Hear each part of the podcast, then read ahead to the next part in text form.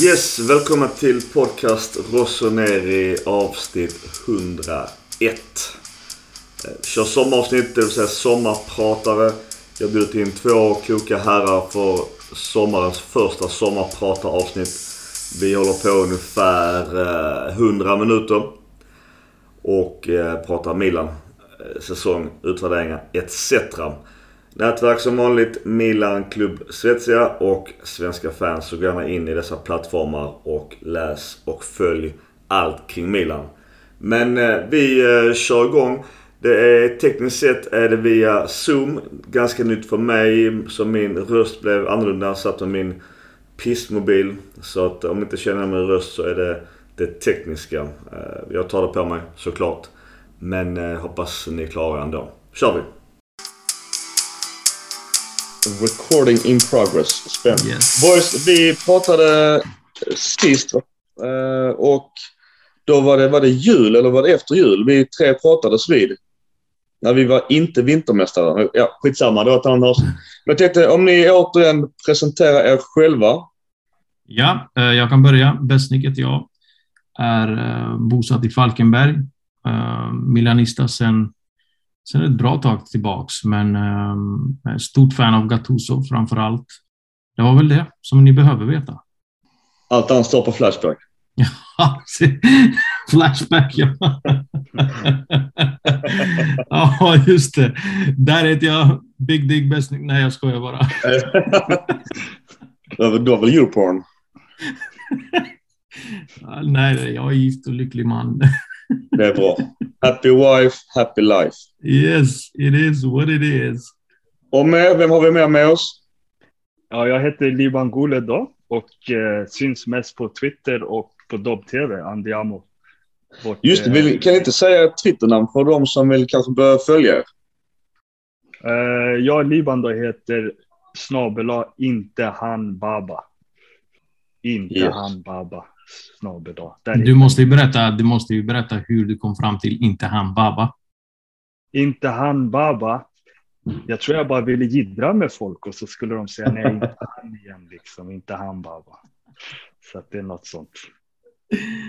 Ja, jag eh, heter ju på, på Twitter eh, at eh, B to the E och det har ju väl att göra med mitt namn. Jag heter ju Besnik Emini, så jag ville väl leka med bokstäver på det sättet.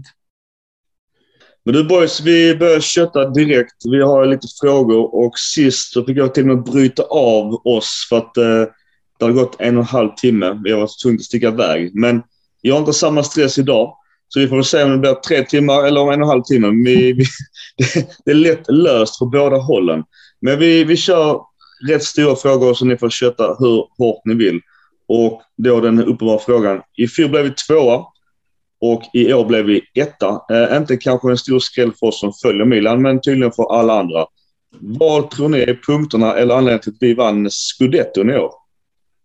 Det jag tycker nog står ut främst i, i den här säsongen jämfört med förra säsongen är att alla spelare blev ett år äldre. Alltså att man såg att eh, Leao utvecklades otroligt mycket, vilket vi såg. Tonali började ta för sig mer och var mer hemmastad i den här säsongens Milan än vad han var i förra säsongen. Eh, jag tycker att Mangan spelade väldigt stor roll i vår utveckling till att spela ut från backlinjen och även liksom Pioli var inne på det tidigt att vi använde Mangan som ett som ett vapen i våra anfall när det var så att eh, de backlinjen vi mötte ställde sig högt. Så att det var ju var ju också någonting som eh, gjorde oss bättre. Så att jag tror det mest handlar om egentligen erfarenheten och det är därför jag är så sugen att se hur det ser ut nästa säsong. Det skulle vara jätteintressant. Ehm, jag skulle vilja lyfta ett finger för, för, för ett nyckelord som dyker upp i mitt huvud och det är resiliens. Och det, nu, nu flashar jag med mina högskolegrejer nu här, men jag fick lära mig det här ordet och det är väldigt viktigt, i alla fall när vi pratar om Milans säsong nu.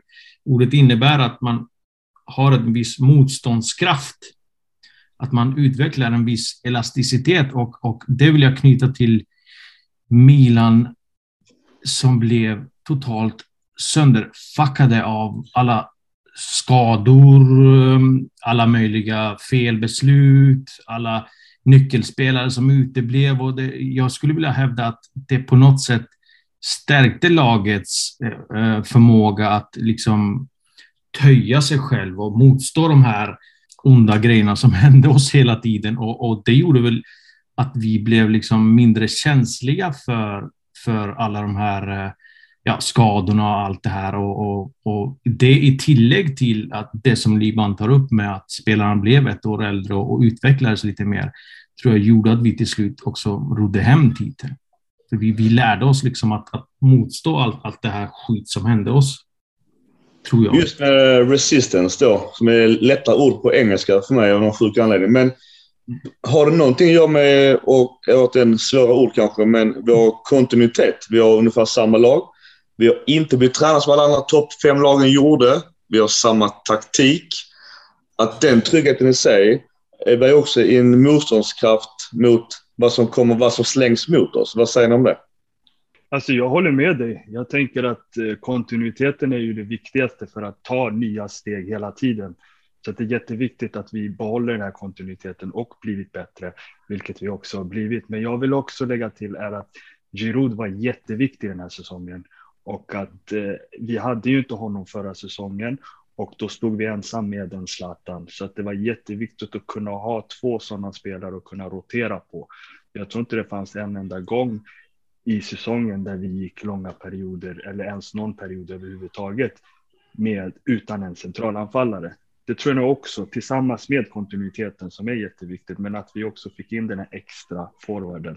Och vi såg ju hur egentligen hur avgörande han var i ganska många matcher, Giroud.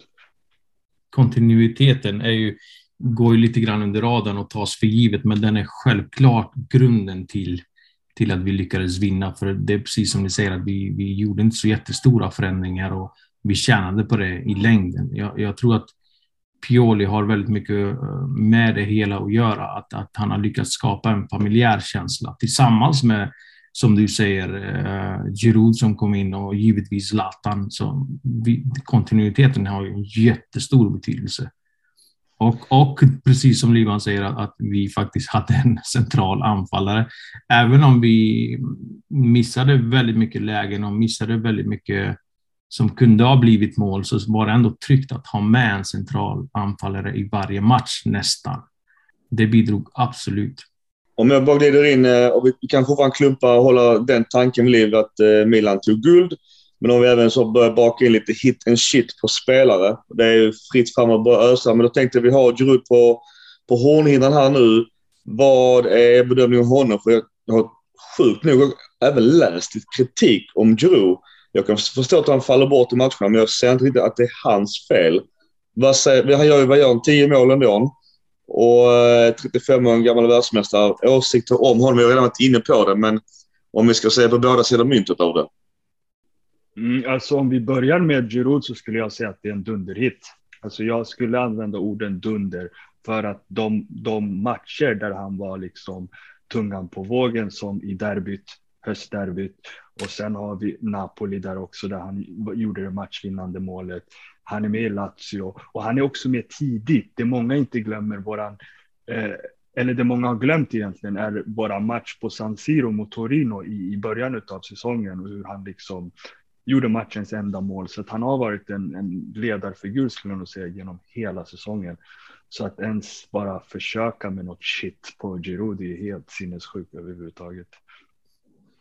Ja, jag, jag är helt enig. Jag, jag kom på mig själv många gånger när jag såg på matcherna att Giroud ändå inte är så jättemycket yngre än vad Zlatan är. Men fy fan vad han springer. Han gör sig till, tillgänglig, eller försöker åtminstone göra sig tillgänglig och springer på ett sätt som man förväntar sig att andra yngre spelare ska springa. Så att Giroud, och, och, i tillägg så, så har han ju den här vinnarmentaliteten som Zlatan har. Och eftersom Zlatan har varit så frånvarande, i alla fall på plan, så har det varit A och O för oss att ha den där vinnarmentaliteten. Och, och man ser det väldigt tydligt när han ska pressa motståndaren, när motståndaren ska ut med bollen ifrån målvaktsposition så ser man ju att han har, trots sina år, så liksom kan man nästan ta i den här vinnarmentaliteten. Han ger inte upp. Och det har varit så jäkla viktigt för oss. Och precis som Liban säger, att ens försöka med någon skitsnack på Giroud visar ju på, på dåligt fucking omdöme, skulle jag vilja säga. Visst, man kan ju titta blint på statistik, att han gör 10, man kan förvänta sig mera. Jag tror han gjorde 11. Okej, okay. ja men vi säger 10-11 där någonstans. Exakt, eh, det kan vi kolla upp. Men jag har också försökt tänka okay, varför, varför skriver folk så här? Varför tänker folk så här? När jag själv ser det på ena sidan myntet. Har, har jag missat någonting? Eller är det bara liksom att man tittar på, man ska göra 20 mål som Ronaldo gör, gjorde?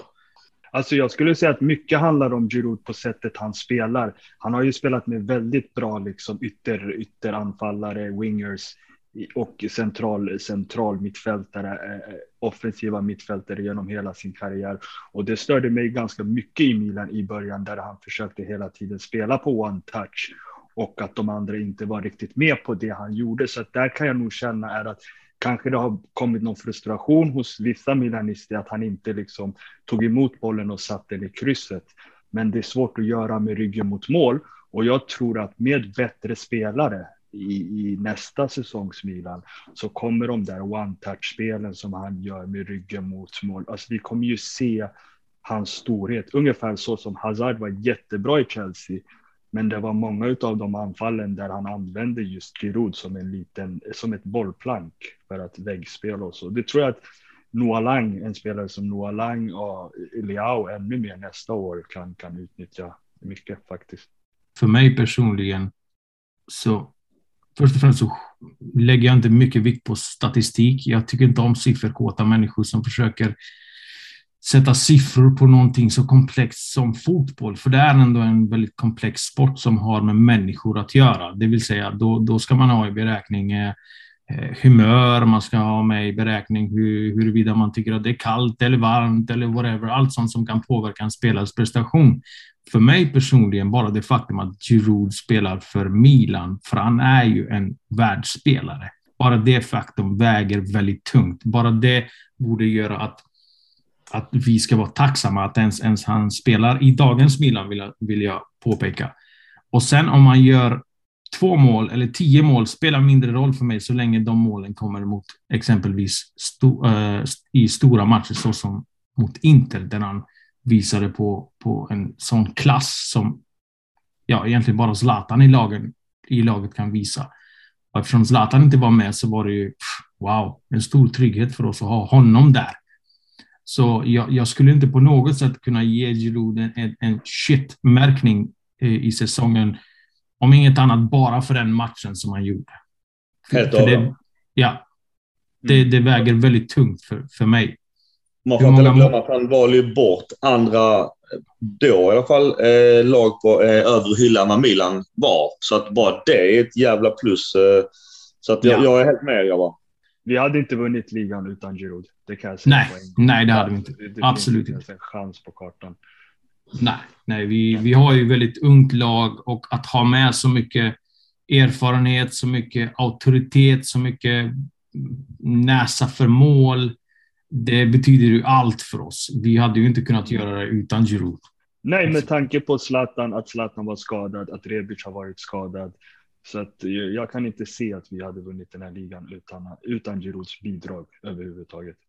Ja, ja, och sen så är han ju den enda spelaren i Milan som faktiskt ser bra ut och det säger jag som en heterosexuell kille. Den enda. Jag tror ingen tycker att han ser dålig ut, vare sig det är man eller kvinna ja, eller något. Ja, men det, jag, jag bara säger det. Jag, jag brukar liksom byta kanal när min fru är i samma rum så att hon inte ser honom. Ja, det är bra. Men om vi tar en lite mer ful spelare, inte, då menar jag inte jag, jag både ett utsänd kanske, tuffing. Också kritiserad eh, hit and shit på vår landslagsman, eh, Gazettas All-Star, högerback. Som får rätt mycket skit också. Vad säger ni om eh, kaptenens insats denna säsongen? För jag ser honom som kapten med tanke på hur mycket han spelade kontra vad Romagnoli inte spelade av en anledning. Både skada och faktiskt rakt av petad.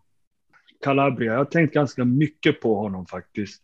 Och eh, han, har inte, han har inte haft en, en bra säsong jämfört med den han hade förut. Alltså förra säsongen var han mycket bättre och mycket starkare. Han har visat på formsvaghet skulle jag nog säga och eh, varit lite otajmad. Men han gör ingen dålig säsong. Och vi har ju som sagt inte förlorat när vi haft honom från start. Och den perioden där vi gick som sämst, alltså den perioden som vi gick som sämst i ligan, det var ju där med Sassuolo och Fiorentina och han gick ju skadad den perioden. Och eh, Florens är väl den, den av våra spelare som har eh, alltså gjort flest misstag som har lett till baklängesmål, tror jag, i, i vårt lag. Ja, och eh, det påverkade oss. Att, att Calabria var borta påverkade våran säsong en aning negativt och att han kom tillbaka påverkar den positivt. Så att, eh, det är en bra säsong han gör sett, sett till att vi faktiskt vinner ligan eh, och att han inte har nått en så låg lägsta nivå skulle jag säga. Så att han är godkänd i min bok. Han, han går ut som en vinnare.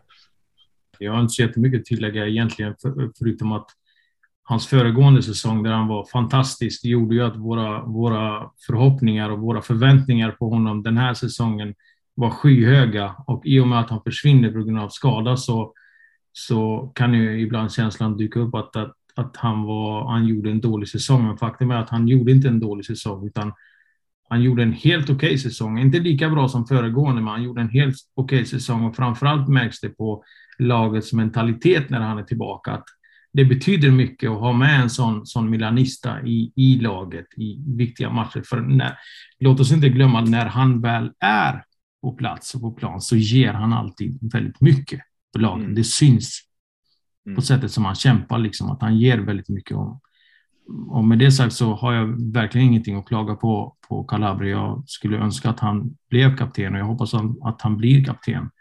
Men sen vet jag inte om jag vill ha honom som startspelare, men det är väl en annan fråga. Jag, jag, jag tror många kanske inte förstår, som nu har inte jag spelat fotboll på hög nivå, utan jag har spelat handboll på en, eh, ja, nu är det jävligt länge sedan, men jag tror många missförstår eller inte förstår vikten av det här med till exempel Giroud, världsmästare, Zlatan, erfarenheten, Calabria, han har spelat på Milanello sedan han var fem år gammal. Alltså, du vet de här mjuka värdena som vi ofta pratar i vår podcast annars om, som inte finns i någon jävla statistik någonstans.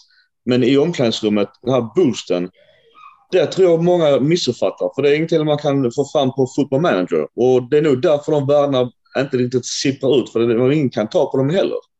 Mm. Jag är lite kluven kring... Alltså jag, jag vill ju ha Calabria in i laget, för jag tycker att han är fantastisk. Jag tycker att han är bra nog att spela för oss och att han är definitivt kaptenmaterial för, vårt lag, just på grund av orsakerna som du nämnde där med att han är uppväxt i Milanello. Men om vi ska nå den absoluta toppen vet jag inte om han är bra nog att starta för oss. Mm. Det vet jag inte idag. Utan då får, han, då får han ju rada upp säsonger som föregående och hoppas på att han inte blir skadad. För spelar han som föregående säsong, då är han absoluta, en av absoluta bäst, absolut bästa. Inte, kanske inte i världen, men, men i Italien. Och det räcker för oss. Men om vi flyttar upp ett steg. Vår höger eh, mittfältsposition, eller attacking midfield right. Hur mycket påverkar det Calabria och vad säger vi om just Selemaker som skrev nytt kontrakt? Eh, där då såg det bra ut. Vi har eh, postbudet som har gjort mer poäng än vad 60 miljoner euro Saniolo har gjort under säsongen. På, om vi säger högerflank, om vi klumpar dem, vad, vad säger ni där om, om hela den sidan och vad ska vi göra åt den sidan? Eh, vi måste förstärka den sidan. Det, det, det är ett måste. Även om postbudet hade, vad hade han, sex mål och tre assist tror jag på sin säsong. Och det här är ju siffror som ifall Sälemäkis hade gjort dem så hade vi varit lyriska. Det jag känner det lite, hade Sälemäkis eh, kommit upp, upp till en nivå på nio poäng över en hel säsong, då hade vi tänkt väldigt positivt på hans framtid. Eh, ja, med tanke på att postbudet då, Messias, säga hans namn åtminstone. han förtjänar den respekten. Han har gjort en jävla res. ja, ja, ja. Han förtjänar fall. ja, ja, vi får se allt. Nej, men med tanke på hans ålder och med tanke på Sälemäkers Eh, brist, vad ska man säga, tillkortakommanden i det, i det offensiva i, det sista, i den sista tredjedelen gör nog att vi måste satsa vidare. För att även ifall Messias skulle vara bra nog att starta i Milan så behöver vi ändå få in en ung spelare som är bra nog att ta hans plats. Tänker jag, alltså rent utvecklingsmässigt. Annars skulle jag nog ändå ge, ja det är svårt att ge eh, spelare icke godkänt när man har vunnit ligan. Och jag vet att Sälemäkers har varit nyttig, men jag känner inte att han har kommit upp en nivå där han har i alla fall gjort en minnesvärd säsong. Jag kommer inte ihåg riktigt hans stunder och jag måste verkligen gå tillbaka för att titta. Eh, när var han bra? Och det är ganska konstigt för han, han är ju en av få spelare i laget som har fått. Jag tror att han blev månadens spelare i december eller någonting. Så han hade verkligen en bra period, Sälemäkers. Eh, men som inte lämnade så stort avtryck som ändå jag tycker att Messias har gjort för mig. Alltså Messias framspelning till eh, Leao i matchen på San Siro mot Atalanta. Den är ju, det är många som inte har sett, alltså missat den. Att, att mm. det, det, var ju riktigt matchavgörande liksom att slå den där passen på djupet. Och det var den som gjorde så att vi vann matchen. Så att jag känner, eh, han har ju sin, i sin eh, Atletico Madrid eh, mål också, Messias. Och så har han 2-0 målet mot Roma. Han har matcherna mot Genoa. Så jag känner att jag minns hans säsong bättre än vad jag Sanimakers. Egentligen spetsemålet också. Det är den. Han är ju Just helt rånad. Det är därför jag säger ja, att han har... Hemskt och synd om honom. Ja, han har unfinished business och därför vill jag se honom vara kvar. Liksom. Jag lovar det, det, det är synd Han hade blivit matchvinnare. Jag hade sådana förhoppningar på Salemäkers för han, han besitter ju ändå jävligt hög teknisk kvalitet. Han kan göra grejer med bollen och han har kontroll oftast på bollen. Det är bara någonting som kortsluter sig där när han ska liksom eh, driva den och, och passa den vidare någonstans. Så kortsluter sig hjärnan på honom. Jag vet inte vad fan som händer. Men jag vet i alla fall att jag blev väldigt besviken på honom i samband med att han eh, skrev på ett nytt och bara störtdök ner i kurvan och allting blev bara skit så blev jag jättebesviken och jag är fortfarande jättebesviken. Och precis som Lyman säger så har ju Messias outshinat honom på precis alla sätt och vis. Men vi får heller inte glömma bort att Messias har ändå några år mer på nacken och kanske är mer mogen i sitt tänk. Inte nödvändigtvis spelat på eh, lika länge eftersom han uppenbarligen varit postombud. Men eh, han, är, han har kanske en annan mänsklig mognad som gör att han kan eh, slappna av och spela på ett annat sätt som Sellemäker saknar just nu. Och med det sagt vill jag ju liksom inte bli av med honom. För jag, jag tror ändå på honom att, just på grund av att han har sådana extremt bra tekniska kvaliteter. Kanske en utlåning vore på plats. Jag tar den övergången direkt, eh, för då vi pratar ändå Kjär i viss mån, Zlatan, eh, vi är inne på Giroud även om Messias. Eh, finns det någon, eh, låter jag PK-ord, men någon åldersdiskriminering inom fotbollen? När du är över 30 så är du alltså fallfrukt, ska liksom till tippen. För jag menar, om vi säger Cotrone åkt ur och spelar CSC. Vi har redan fått en eh, Malini kör ninja och kommer rabattera Messias. Och visst, han är 30 och som du är inne på, ingen lång erfarenhet inom toppfotbollen, men det är fortfarande en spelare som var så Liban. Jag gjorde 6 plus 2 eller 6 plus 3. Alltså det är ju en 9 poäng. Ja. ja. Och menar, det, alltså vi får en spelare både med en kvaliteten för under 40 miljoner kronor. Mm. Eh, jag, jag, tycker det, det är hårt. Det är hårt att eh, folk dissar det, tänker du då, eller? Ja, men alltså fort du är över 30 så är du fallfrukt. Ja, ja, nej, men det stämmer ju inte på alla och just med Sias. Jag tänker så här är att vi är ändå ett topplag i italienska ligan och mot i alla fall 12-13 av de klubbarna så skulle vi kunna låta Messias starta ute till höger, känner jag. Alltså jag känner inte att han är svag nog att möta, nu spelar inte Geno där, men typ Salernitana, vad som helst, alltså de andra lagen, speciellt, speciellt, speciellt, han har unfinished business där.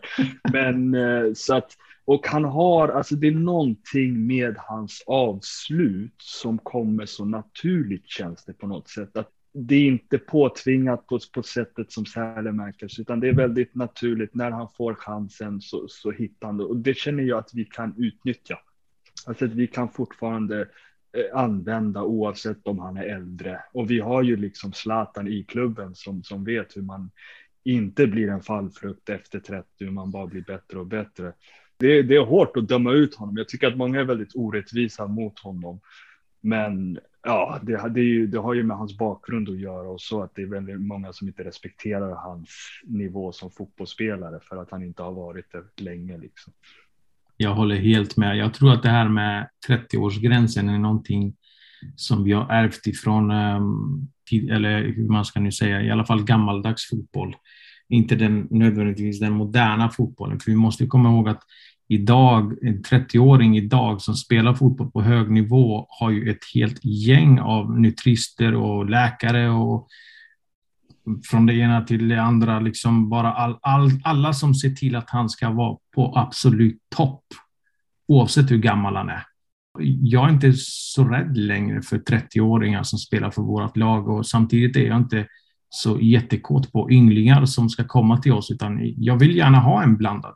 Men då ska det vara sådana här Messias-typer, Giroud-typer som, som är liksom on the top eh, fysiskt. Nu vet jag inte om Messias är lika väl sculptured som, som Giroud är, men uppenbarligen så springer han ju och orkar väldigt mycket och, och har en skärpa som vi förundras över.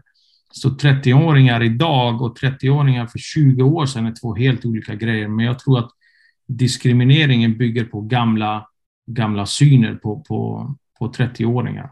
Om inget annat så har ju Ibra och Giroud och, och eh, Modric också för en delen eh, bevisat att 30-åringar behöver inte liksom betyda att det är automatiskt en, en fallen frukt som du, som du var inne på. Just på tal om eh, högerkanten och erfarenhet. Eh, nu tyvärr inget rykte alls till Milan, vilket jag tycker personligen är synd, men eh, dock Juventus är lite nervös. Hellre att han går till Barcelona. Och då pratar jag om då Di Maria. Bara uppstuds, vad hade ni sagt om honom? På tal om ålder, erfarenhet, eh, kunskap och allt det här eh, som finns i troféskåpet i Milan. Eh, fotbollsspelaren är jättevälkommen. Jätte, jättevälkommen. Han skulle liksom fylla ett behov otroligt mycket. Sen kommer det ju lönefrågan och det faktum att han vill ha ett kort eh, kontrakt. Så, så ifall vi tittar ur, på, ur ägarnas hållning och deras liksom riktlinjer så är, är han inte vad vi ska ha. Men tittar man på rent sportsligt och det han kan erbjuda här och nu så tycker jag att det skulle vara en drömvärvning faktiskt, Di Maria. Perfekt hade det varit. Men som sagt, det, det, innebär då också att vi skulle få faktiskt skjuta upp det vi, alltså den spelare vi söker för högervingen då, skulle vi behöva få skjuta upp det beslutet under tiden Di Maria är där. Så att vi hade inte fixat vårt problem ifall han kom in, utan det hade varit ett kort, en kortsiktig lösning. Ja, jag vet inte riktigt om jag håller med där. Jag, jag hade gärna tagit emot Di Maria med öppna armar istället för eh, de som ryktas in till oss av den anledningen att vi har en, en ligatitel att försvara. Samtidigt som vi har ett, eh, jag skulle inte säga akut, men det är ändå eh, ett, ett, lite akut att Milan tar sig så långt som möjligt i Champions League. För vi har ju ändå påbörjat vår resa tillbaks. Vi har vunnit en titel.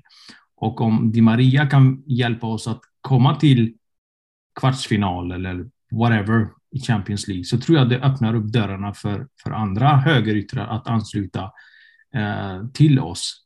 Di Maria för, för mig hade, precis som du sa, varit en drömvärvning oavsett vad han vill ha för lön egentligen. Och det är på grund av att han vill ha ett korttidskontrakt, för då vet vi att vi har en sju miljoners lön att betala för ett år eller två år.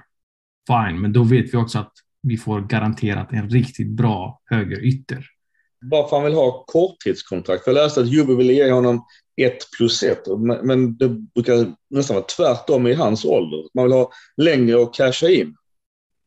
Det är ganska, det är förvånande faktiskt. Precis som du säger så brukar, när man kommer i den, karriär, alltså den delen av karriären så vill man säkra framtiden. Men jag tror också att det är lite så han tänker. Att, att han tänker, jag vill ha ett kort kontrakt i Juventus och kunna liksom eh, spela Champions League slutspel och lite så som Besnik var inne på. Men sen tror jag att han söker ett, ett antingen ett längre kontrakt hemma i Argentina eller på, hos araberna där eller, eller något sånt tänker jag. Mm. Fast det, det, är viktigt också, det, där tror jag skillnaden är lite i att jag tror inte att Milan satsar på att gå så långt i Champions League. Och jag tror att skulle de klara gruppen så hade det varit lite av en succé lite i hur, hur, hur eh, tränarna resonerar, tror jag. Men ska man gå långt i Champions League, då är jag 100% med i Besnik att det är Di Maria. Då kommer vi inte gå långt med eh, Noah Lang eller, eller CDK där på kanten. Mm. Så att jag är ganska säker på att Milan inte tittar åt det hållet liksom av den anledningen. Vi, vi skyndar väl långsamt som det heter. Mm. Det känns ändå som att vi har ett projekt på gång och det är ett bra projekt. Som, som milanista vill man ju liksom i samband med att man vinner ligatiteln så vill man ju liksom Back, nu är vi igång. Nu kör ja. vi liksom stenhårt. Ta, ta Di Maria. också. Ja, ta Dybala också på den delen. Bara för att cementera vår plats. Mm, mm. Så att det inte blir en, en one hit wonder för, för den här. Ja. Och det jag tycker där är intressant är att Maldinis intervju i Gazettan var ju ganska tydlig där han sa att det finns ungefär sex till åtta lag i Serie A som, som håller ungefär samma nivå. Och att det han ville veta av ägarna var hur ser Milans framtid ut? För vi kommer behöva rusa ifrån dem. Alltså att jag vill ha en ägare som satsar på att springa ifrån den här, den här gruppen av sex, åtta lag eller vad han nämnde och efter mötet så verkar det som de hade ett bra möte så att jag tar med mig det lite till banken och tänker att ja, vi ska försöka distansera oss från de andra. Alltså att vi ska distansera oss från Roma, Lazio, Atalanta, Fiorentina, eh, förhoppningsvis även Napoli också. Även om mm. de hjälper till ganska mycket att distansera sig själva. Mm. Så, så, så, är det det hållet vi, vi ska gå liksom. Men du Liban, håll den eh, tanken och bäst får du svara på det sen. För jag, jag har det på en, en punkt här. Jag, jag har två spelare till vi, vi tänkte ta upp så vi inte tar alla för då kan vi prata fem timmar.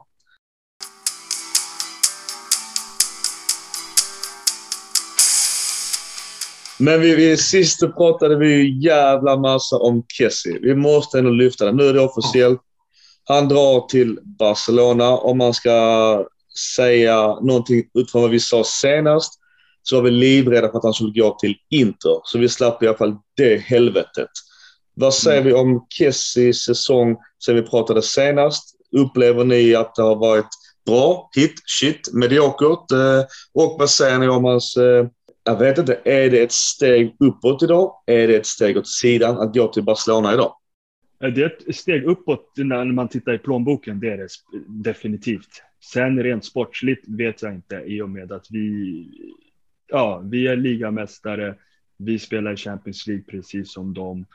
Det kan vara så att man kan argumentera för att Barcelona kommer satsa lite hårdare mm, för att komma ikapp Real Madrid än vad vi kommer göra de kommande åren. Så det går att säga att han, han, han gör ett sportsligt eh, byte, men man kan inte, eh, ett, ett sportsligt steg uppåt. Men här och nu så tycker jag inte att han gör det. Alltså. Jag tycker inte alls. Sen vill jag också lägga till, jag var ganska, när vi pratade senast, så sa jag väl ganska tydligt va, att han inte kommer gå till Inter, eller? Jag, jag tror att eh, jag har... Jo, jag för mig det. Ja, för jag, jag var livrädd för det. Ja, jag var också livrädd. Jag och Besnik, vi höll på att sprutade ångest. Ja, nej, det, han är för han och, han och Håkan i, i Inter, vet, bra kompisar och allt det här skitet. Och straffen, vi pratar mycket om straffen. Är det klart? Är han klar för Barcelona? Ja, alltså han är klar, men jag tror inte de är klara nog att presentera honom. Men han har ju valt den, den klubben och skrivit på eh, kontrakt har han gjort. Ja, men jag läste ju någonstans att deras ekonomiska uh, status alltså, försvårar för dem att faktiskt signa honom. Så jag vet inte om han är klar och därmed så finns det så chansen fortfarande att han hamnar i Inter. Det är det jag försöker komma till. nej, nej, nej. nej. Han såg, vad vi, han såg vad vi gjorde med Hakan i paraden. Jag tror inte. Omöjligt. Ja, ja, ja. Omöjligt. Nej, fy fan. Nej, men alltså om, vi ska prata Kessie, om det finns ett bra sätt att lämna på Bossman så har Kessie gjort det. Han är en fantastisk spelare. Han har inte haft den bästa säsongen, men han har fortfarande haft en bra säsong. Så bra är Kessie, tycker jag. Att vi förlorar honom gratis gör ju såklart ont, men det som gör ont framför allt är att vi förlorar väldigt mycket spelare i honom. Inte nödvändigtvis att vi förlorar honom gratis. Och sättet han lämnar på gör ännu mer ont för att han lämnar som en gentleman. Han lämnar på ett riktigt bra sätt. Då gör det ännu mer ont att ett annat lag ska få så mycket spelare i Kessie. Hade du sagt samma sak om jag blivit tvåa i ligan? Ja, det är en bra fråga. Ja, det påverkar ju en del såklart. Eller hur? Det är det jag menar på. Det beror på. Om vi klättrar från tredje plats till andra plats och Kessie ligger bakom det, så hade jag sagt samma sak. Kessie visade genom hela säsongen att han ändå respekterar laget och spelar sitt, det allra bästa som han kan. Sen att han får en, en sämre säsong kanske beror på, på trycket ifrån media eller vad fan det var som hände. Men väldigt få matcher, om en eller kanske två matcher som jag tyckte att fan, Kessie ser riktigt dålig ut idag eller Kessie går inte in i alla dueller som han ska. Eller...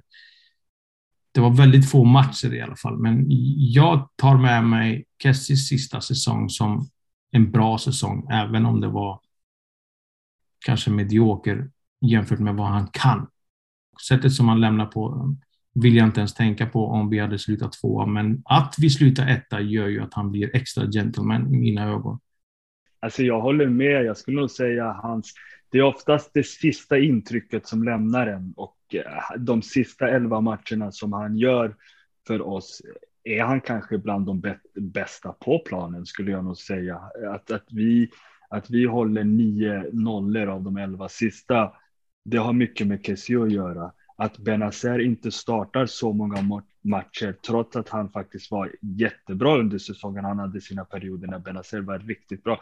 Att han inte kommer in i startelvan på slutet handlar ju mycket om att Kessie gav oss det vi ville.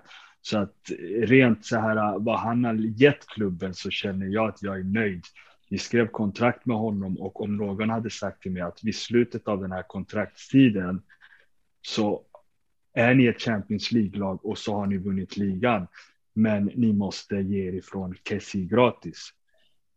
Då hade jag gjort det liksom. Och om man samtidigt sa att han skulle vara en stor, en stor del utav det, ja, då hade jag gjort det. Jag tycker, att, jag tycker att vi har skött det så jävla bra under hela säsongen. Att vi inte tog bort, jag vet att det var många som tjafsade över, ska han vara kapten eller inte? Och så här, jag tycker att vi skötte det Milan är en klubb som faktiskt har blivit erkända genom historien för vår klass, för vår stil, för hur sättet vi behandlar våra spelare.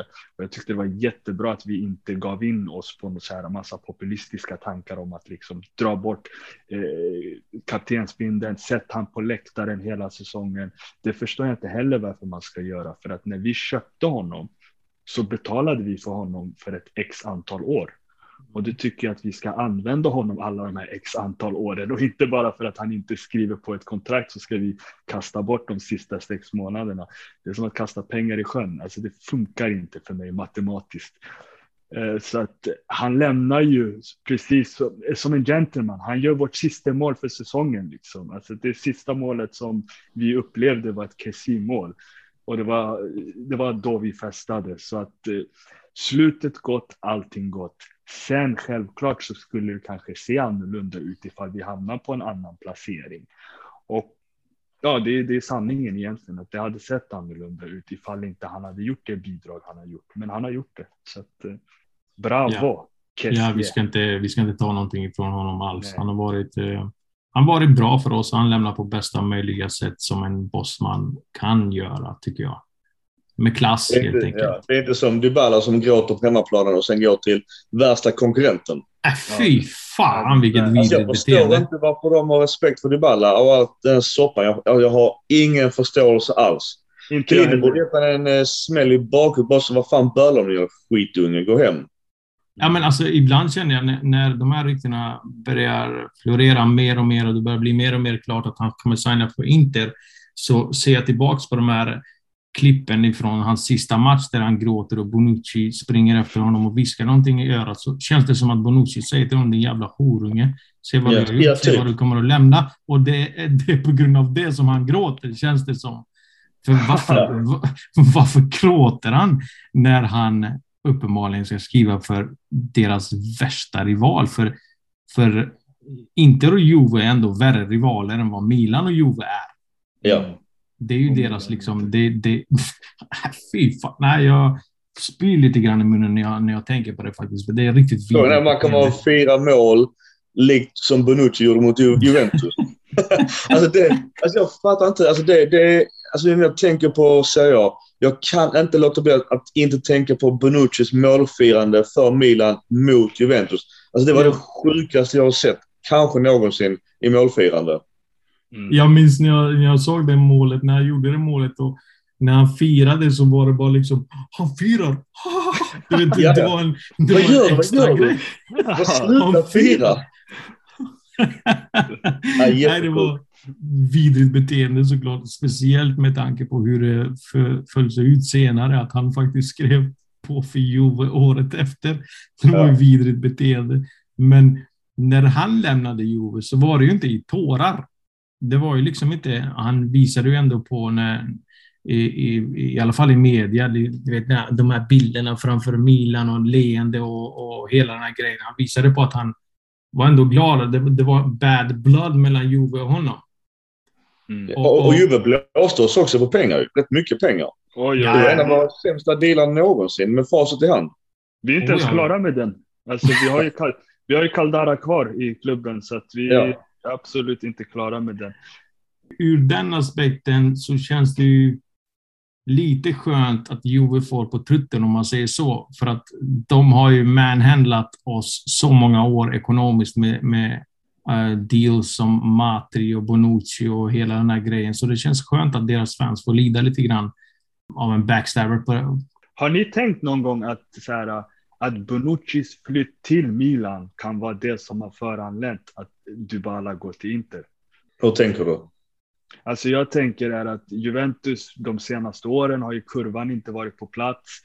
Eh, att, att, att man går till Milan och sen går tillbaka till Juventus. Det visar ju på att det, att det är görbart så att säga. Och då har vi ja. Dybala som tänker, ja men Bonucci du gick ju, varför kan inte jag gå? Alltså jag, jag vet, jag tycker att jag känner inte igen den klubben i alla fall skulle jag säga de senaste åren Juventus. Så att, eh, och då, då blir det så här. Det här hade ju inte hänt förut tror jag, så att det är någonting där som som är sönder. Det, det... Ja, eller en också en jävla skitbarnslig snorunge som tänker så fan nu kommer Vlahovic. Han är deras framtid. Han kommer de mm. satsa på. Och då blir Dybala liksom andra fiolen och vilket han kan ta kanske. Så vill han kanske bli det i, i Italien.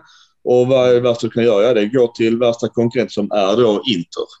Mm. Men det stor, stor skillnad tycker jag i övergång, det är ju återigen, jag har svårt för det här med när man står och bölar men lämnar som bossman.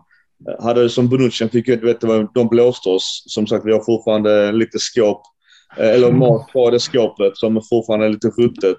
Men och det är också lite så där med Kiss och Håkan, Donnarumma. Vet, det blir svårt för mig att respektera folk som, som står och gråter, lite som Donnarumma, men sen ändå lämnar som bossman. Alltså, vet, det, det är svårt att, att inte få mitt längsta finger åt sig då. Mm. Om jag får flika in här. Jag tror att det har jättemycket betydelse eh, det faktum att Bonucci lämnade för en ekonomiskt väldigt, väldigt bra affär för Juventus och att han kom tillbaka. Det tror jag omöjliggör lite grann Dybalas chans att komma tillbaka till Juventus, just att han lämnar på Bosman. Jag tror att plåstren på såren i Bonuccis fall till Milan var en riktigt bra ekonomisk affär. Mm. Och det har de inte i Dybala och därmed försvinner liksom också chansen. För oavsett om Dybala går tillbaka till Juventus så måste ju de betala pengar för honom. Och det tror jag inte fansen går med på. Mm. Just jag har en fråga också till er som jag tog på Twitter. Som vi, har, vi snackar mycket på Twitter just det här med anfallare och då Inter. Nu, nu börjar det sidospår från Milan. Men då eh, alla rykten som gäller Inter och Lukaku tillbaka till eh, Serie A som vi var inne på. Att det är ju att hans förmåga att, att göra mycket kaos i Serie A är ju kanske ett eh, tydligt tecken på att Premier League är bättre. Men till min fråga. Har det varit någon comebackande spelare som har lyckats bra i sin klubb i Italien? Det skulle väl ja, vara Zlatan? Ja, det var svårt på volley. Ja, det är Zlatan då. Ja, sant. Och vi får hoppas på att det gäller Pogba också som är på väg tillbaka till Juventus. Ja, verkligen. Men lite inne på att han floppar. Jag hoppas verkligen det. Verkar, alltså det är sjukt att, att United lånar honom för en miljard i tre år. Mm. Alltså det, det är så. Han kommer gratis. Han köps, för en, han köps för en miljard. Han kommer tillbaka gratis. Det är ungefär som Juventus, eller United har lånat honom i tre år för en miljard. Ja, det är helt sjukt. Det är helt sjukt. Men det är också en riskantal för att det, kontexten i vilken han kommer tillbaks i är inte densamma som när han lämnade. Juve är inte ja. detsamma som när han lämnade. Han var ju omringad av ett riktigt bra mittfält när han lämnade. När spelade bredvid Vidal och Pirlo där och då, där hade jag han framstå som en stjärna. Utan tvekan. Och jag med som en riktigt bra inhoppare. Absolut. Ja, exakt.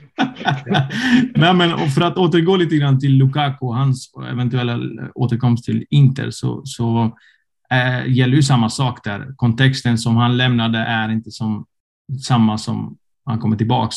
Framförallt är ju Conte en viktig, stor pusselbit där. Ehm, jag minns när han signade för, för Inter i, i början med Conte så var det ju lite tal om att han var för tjock och lite tal om att han var lite för otränad och Conte satte liksom eld i röven på honom för att han skulle gå ner i vikt och så helt plötsligt så gick han ner i vikt och blev fantastisk. Och det har han inte när han kommer tillbaka nu. Istället har han en Inzaghi som har en förmåga att bitcha konstant efter varje match som han förlorar och, och vara allmänt nedlåtande mot sig själv och, och domare, inte nödvändigtvis mot sina spelare, men han har inte samma driv i tränare som han hade i Conte. Och därför tror jag och hoppas innerligt att han kommer bli en riktig flopp.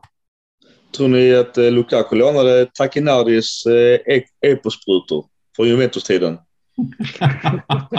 inte inte Contes också va? och Contes ja. också. Contes också, han hade med sig några Conte. Ja, på tal om anfallare, inget avsnitt utan Zlatan såklart. Vi måste ju nämna vår eh, svenska legend som 40 år fortfarande spelar toppfotboll. Vi alla vet att han, har, han tömmer sina knän officiellt. Det ser för jävla äckligt ut. Men eh, det är ju en supertuffing. Vad, vad säger vi om hans säsong, hans framtid och vad hoppas vi på? Eller vad kan vi hoppas på? Oj, alltså hans säsong är väl, alltså utifrån det han kunde erbjuda oss när han var hel så tycker jag den är godkänd. Så att han gör väl en 8-9 mål någonting i, i ligan. Plussar man på Girouds mål 11 där så får man väl en 18, 19, 20 mål någonstans. Så, så jag tycker att han, han hjälper oss att vinna säsongen. Han är viktig för våra spelare. Giroud och han verkar ha kommit varandra jättenära, så att jag tror att när det kommer till Zlatan så måste vi vara lite bredare i, vår, i våra betyg och våra bedömelser i våran bedömning. Och vi måste ta till det som finns på sidan. Så att jag tänker att, att han har gjort sitt. Att anledningen till att vi är mästare idag är ju för att han kom tillbaka, för att han satte ribban. Och om han kan ge oss tre, fyra minuter eller tre, fyra matcher so let be it, tänker jag. Den, han är godkänd.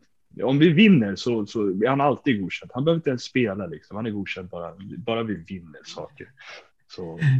Jag håller med. återigen, för att ta upp den här drivande kraften som Inter hade i Conte, så hade vi, eller har vi det i Zlatan, tror jag. Jag är helt övertygad om att han driver laget framåt mentalt. På varje träning är han där och piskar upp människor, piskar upp de här små pojkarna, som jag vill benämna dem som, om vikten av att ha en rätt mental inställning. Oavsett vinst eller förlust så ska man alltid sikta på att vinna. Ja, precis som Livan är inne på, så när det gäller Zlatan så ska man bredda sitt spektrum lite grann äh, gällande bedömning av hans, av hans eh, spel. Äh, Zlatan spelar ju på, på olika plan för oss. Det är inte bara på den fysiska planen. Han är ju väldigt viktig för oss gällande den mentala biten. Han är oersättlig skulle jag vilja säga. Mm. Det är också lite inne på, som jag varje gång vi har pratat om Zlatan i, i vi har andra övriga avsnitt, så är det just det här äh, Zlatan som fotbollsspelare på plan är en sak utifrån alla skills han har i sig fortfarande. Men den här ledarfiguren, hur han pushar andra, som jag också sagt att om han då gör alla, vilket jag tror att han gör det, och det verkar så också, en procent bättre, då blir övriga 10, det vill säga laget 10 bättre. Det är definitivt mm. skillnad mellan en femteplats och en första plats. Mm. Jag, jag är mm. orolig som fan för den dagen han inte är med i klubben eller på något sätt kan sitta på bänken eller på något sätt påverka spela allt från spelarbussen när, när han håller tal. Och det är också så Pioli ödmjukt tar steget åt sidan. Maldini tar steget åt sidan. Då är det ju Zlatan som står där med sånt jävla Braveheart-tal till gruppen då, till alla. Alltså att man får ju rysningar bara man hör det. Och vem fan ska kunna ersätta en sån spelare som har så jävla stor bok av karaktär? Mm, han, jag tror Zlatan blir kvar. Alltså även efter hans spelarkarriär så blir han kvar hos oss. Det, det tror jag. Uh, han, han, är väldigt bekväm och jag tror inte vi kan ersätta honom. Det vi kan göra är att se till att behålla honom. I, mm. alltså det, det, är det som är A och O skulle jag nog säga. Jätteviktigt att behålla Zlatan. Men vad tror ja. du han vill ha för roll i Milan? Alltså jag, jag, tror att det kommer bli någon roll där mellan spelargrupp och eh, sportchef. En Albeck-roll? Ja, något sånt. Jag tror att det kommer bli väldigt, eh, alltså att han kommer nästan få karva ut sin egna lilla eh, roll, tänker jag. För att Milan tänker, vi måste behålla honom. Och vi vet väldigt bra, alla vi tre som pratar, att eh, vi, vi är väldigt snåla med vad vi gör med våra pengar. Alltså att mm. Milan är väldigt riskminimerande och, och liksom tänker vad vi ska lägga. Och att vi då erbjuder Zlatan en förlängning. Det visar att vi vill ha honom. Alltså mm. Milan kommer inte kasta pengar i sjön. Det kommer vi inte. Vi kommer inte erbjuda kontrakt till spelare som inte ska ha kontrakt.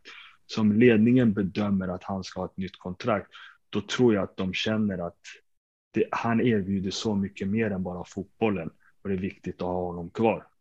Tänker mm. jag, alltså på samma sätt som vi, man försöker motivera en förlängning till Theo och Leao, lika viktiga är Zlatan, även om han inte spelar.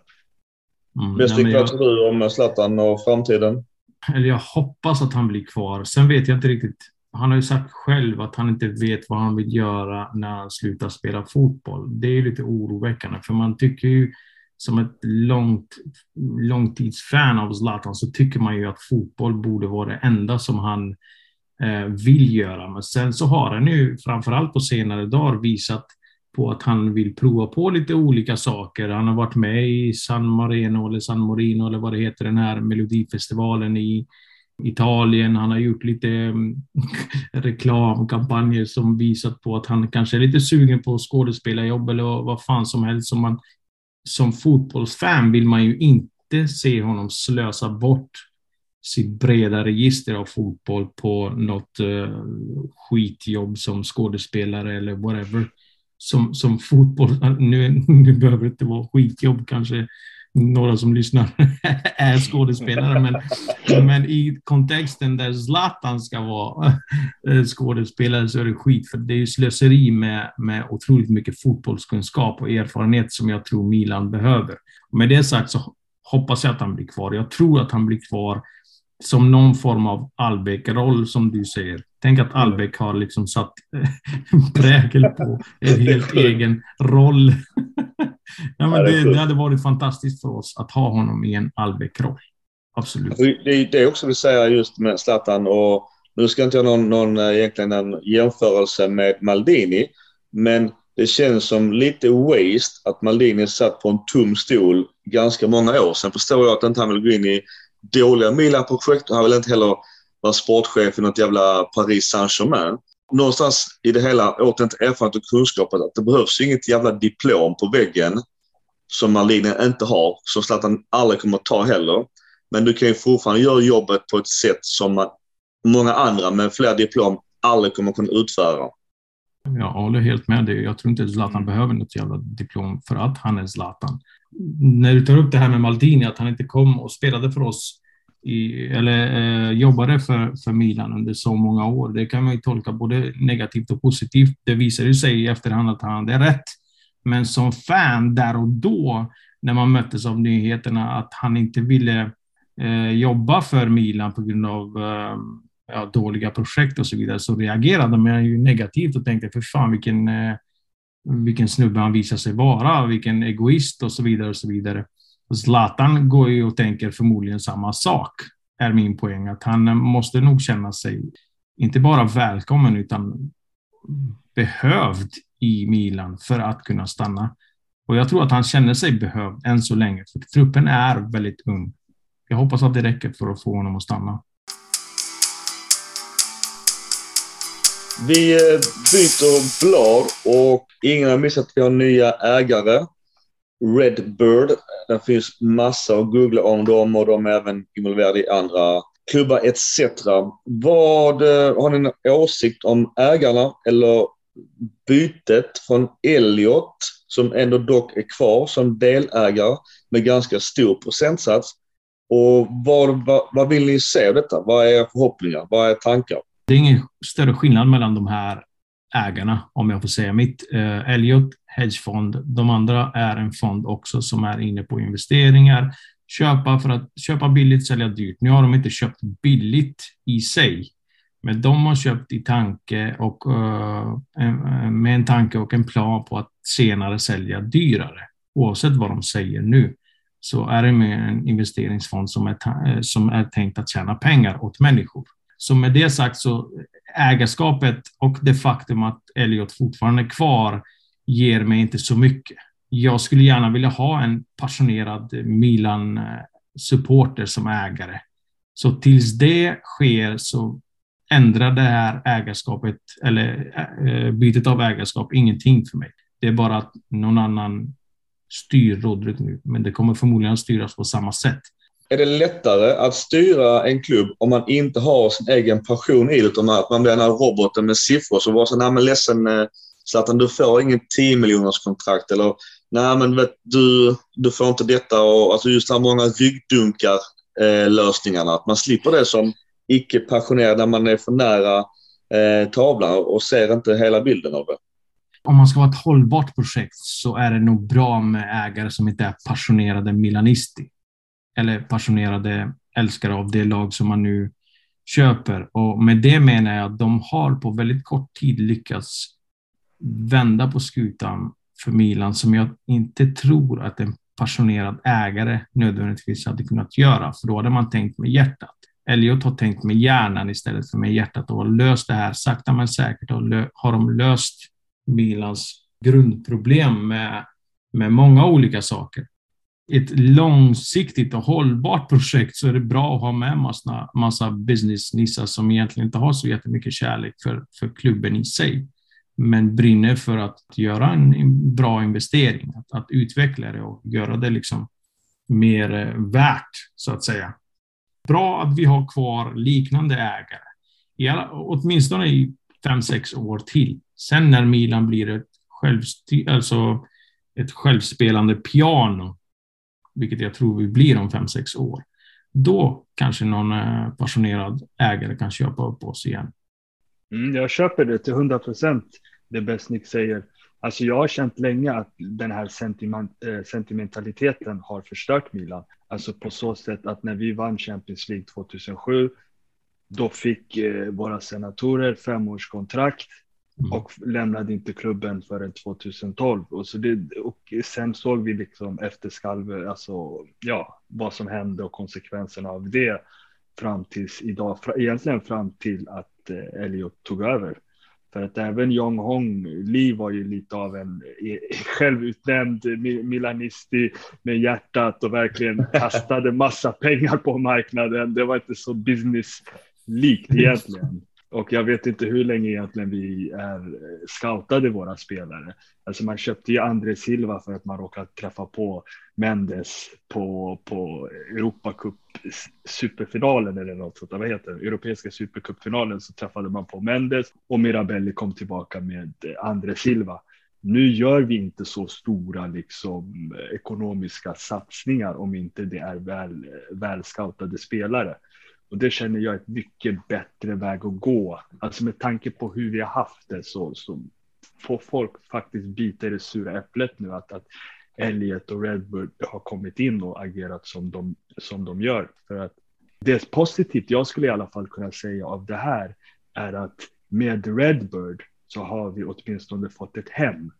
Alltså det är en ägare som har velat köpa Milan och sen fått Milan om man jämför med Elliot som egentligen bara lånade ut pengar och sen fick Milan. Så jag tänker att det här med arena, arenafrågan och så, det är ju frågor som är lika viktiga för Redbird som de är för oss.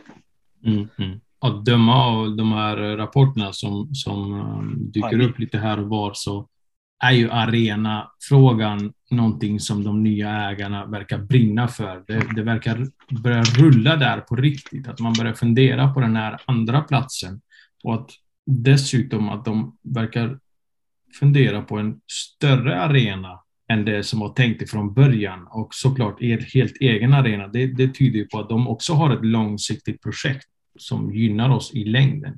Vad vinner Milan på att ha en egen arena om vi ska prata lite sportsligt och ekonomiskt? För det första de vinner på det är ju att de har ett eget borg, en egen arena. Det är bara Milans arena. För evigt fram i tiden kommer att bli känt som Milans arena. Det kommer inte att bli känt som San Siro som delades mellan Inter och Milan, utan det kommer att bli känt som Milans egen arena. Det är det första, det är sentimentala de vinner på. Sen är det ju väldigt mycket ekonomiska vinster man gör genom att äga sin egen arena. Om vi lyckas, vilket jag tror att vi gör, om vi lyckas snitta mellan eh, 50-60 000 på varje match eh, lite senare så innebär det ju väldigt fina ekonomiska vinster för, för Milan som, som vi kan använda senare till spelare och vad som helst att utvecklas. Så det, det är ju bara vinst. Vi behöver inte dela någonting med något annat lag. Vad säger du Liban om eh, arenafrågan?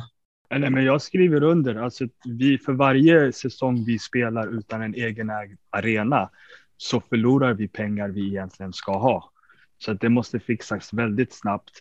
Och för att nå dem i toppen så måste vi också ha samma förutsättningar som dem i toppen. Och eh, så länge, så länge vi inte har våra arenor, då kommer det se ut som det gör i Italien, där det inte säljer sina spelare nu, där vi hela tiden får kämpa liksom för att bara nå break-even så att säga. Så att mm. eh, arenan måste in och först då så kommer vi liksom tror jag att spelarna vi söker och kontrakten vi erbjuder kommer bli högre och bättre av, av bättre kvalitet så att säga. Mm. Men tror ni just Redbird har någon större framgång med italiensk byråkrati än vad allt från Barbara hade till Elliot och Save. Det har varit diskussioner ganska länge om nya arena. Jag menar, detta har vi pratat om i 20 år så att eh, folk börjar tröttna på det och någonstans, ja San Siro, det bara, bara att mata på den nostalgiska sköna miljön. Och det känns så jobbigt att se att Inter blir själv ägare till den kanske, eller får hyra den själv. Jag hoppas ju att det blir en ny arena, trots att jag älskar San Siro, men byråkratin i Italien känns ju hopplös kring detta och jag förstår också att borgmästaren i, Milano vill ju inte att Milan inte hyr San Siro, för det är ju massa pengar såklart. Det som vi kan i alla fall hoppas på är att de nya ägarna har inte en så sentimental position gentemot San Siro. Det har ju pratats om att han vill flytta till San Sesto-området. Han Jerry Cardinale då, som han heter, vår nya ägare. Och det tror jag är nog enklare eh, om, om våran eh, ägare är från utlandet. För det kan finnas väldigt mycket, många känslor kopplade till San Siro. Jag kan förstå att, att för många varför de vill att Milan ska spela kvar där. Men för en ägare som eh, en amerikansk ägare, han skulle kanske inte ha samma förståelse, vilket då i sin tur skulle leda till att vi kanske flyttar och lämnar San Siro. Elliot har ju redan, eh, hur ska jag säga, banat väg för den här idén och eh, det här andra stället, San Siesto, ni har inte koll på det helt och hållet, men det var ju en gammal fabrik, eh, det området eh, som arenan är tänkt att byggas i eventuellt. Och det säger ju mig att marken är privatägd på något sätt, eller bör vara privat, privatägd och således borde det inte vara lika stora problem att faktiskt köpa upp det och bygga en arena som det är att köpa ifrån eh, en kommun och försöka komma överens med kommun och politiker överlag. Jag, jag tror absolut att vi kommer bygga en egen arena och det kommer att bli på det San Siesto, San Siesta, San Siesta, ja, ni vet vad jag menar det stället. Är, är det det området som är mellan Monza och Milano?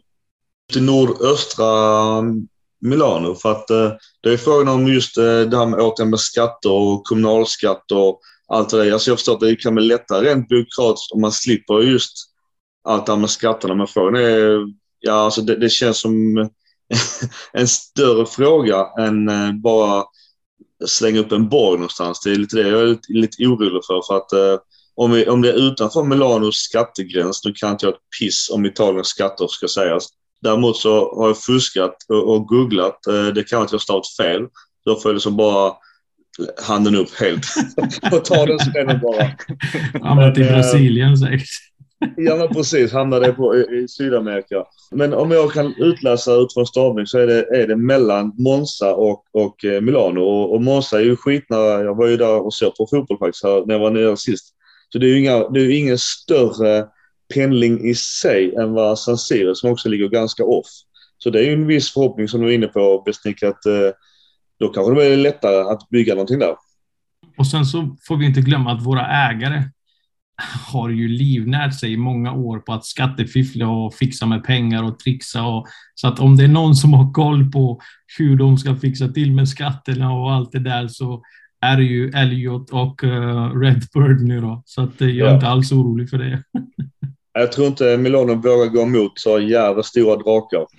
Mm, de är ju ändå stora drakar, mäktiga killar med, med förmodligen väldigt um, fint kontaktnät om man säger så i den finansvärlden och branschen. Så jag är inte orolig alls för det faktiskt. Det, de kommer nog att se till att lösa det på något sätt. Vi tar en, eh, en sista stor fråga. Och såklart eh, silly season. Nu är ju inte kanske allting klart med alla papper och sånt än när det kommer till ägare och, och dessutom har inte ens vårt fönster öppet. Men återigen till vår ägare då och eh, vårt transferfönster. Vad ska vi göra för att få två stjärnor på bröstet när vi snackar kanske nästa sommar? Vilka vill ni se? In, ut, förhoppningar, eh, annat eh, taktiskt? Innan vi lyfter upp Pioli som tränare. ja, jag kan väl börja med att säga att det vi allra först måste göra, det är att se till att säkra Maldini, Massara, Pioli och uh, Mon, Moncada. Jag, säger, jag brukar säga Monsada, för det är, det är grunden av hela det här projektet. För att vi ska kunna röra oss framåt så måste de här säkras. Så förrän de har eh, fixat nya kontrakt så kan inte jag åtminstone slappna av ordentligt. Och sen så, silly season måste vi också se till att försöka säkra upp Leao först och främst antingen säkra upp honom den här sommaren eller sälja honom den här sommaren. Vi får absolut inte hamna i en annan Bosman-fälla igen. Så någon av de två delarna måste, måste ske med Leao. Den delen måste liksom tas itu med. Sen måste vi ta itu med en höger ytter som kan leverera nu. Vi har redan en höger ytter som eventuellt kan leverera i framtiden, bara han kan få tummen ur röven och växa upp lite grann i Salamakers. Vi måste ta den i beaktning. Och sen så känns det ju ganska säkert egentligen med mittbackar, eh, Kalulu och Tomori. Jag förstår inte hypen kring Bottman-affären, att alla vill ha Bottman. Och vem fan är Bottman? Ja, han verkar vara en riktigt bra talang, men jag skulle inte, vilja, eh, jag skulle inte placera honom ovanför Kalulu och definitivt inte ovanför Tomori. Kanske mm. inte ens ovanför Kjär när Kjär var som bäst. Så varför lägger vi så jävla mycket energi på, på en spelare som vi inte akut behöver? Jag vill bara hoppa in här just när det kommer till mittbacken. Jag ser nästan hellre rent taktiskt att Milan går för Bremer för att det kommer ju fucka upp Inters transferfönster totalt. För att de räknar ju kanske med att Milan signar Bottman eller ingenting alls. Och de kanske nu säljer screeningar till eh, PSG för en jävla massa pengar och sen så rakt av ersätter honom med, med Bremer så är de ju liksom en even Steven. Men mm. Bottman kommer aldrig vilja spela för Inter utan drar, drar han till Premier League. Absolut, men sen vet jag inte om det, om det är värt att lägga vad, vad de vill ha, 30 miljoner euro för att förstöra Inters planer.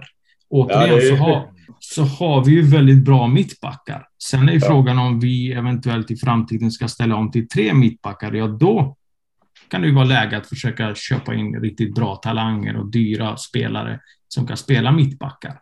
Mm. Då kan jag tänka mig, jag förstår inte hypen kring en mittback nu. Hellre en alltså, högerytter och en trekvartista i så fall. Ja. Jag tänker att vi behöver en mittback. Alltså verkligen. Jag tror inte att Romagnoli stannar nästa säsong så att vi behöver få in en ersättare till honom. Sen tycker jag faktiskt att eh, jag gillar Kalulu, jag gillar Tomori jättemycket båda två. Det finns jättemånga matcher där de skulle kunna spela tillsammans. Men huvudspelet är inte deras starkaste sida. Jag skulle inte säga någon av dem är starka nog att, att vinna dueller på löpande band i, i straffområdet, alltså höjddueller. Nu har de varit jättebra på djupet. Så att jag känner att eh, Romagnoli som var faktiskt vår starkaste huvudspelare, både på offensiva och defensiva hörner, vi måste erkänna, e-, ersätta honom. Och Bottman är ett djur på huvudet.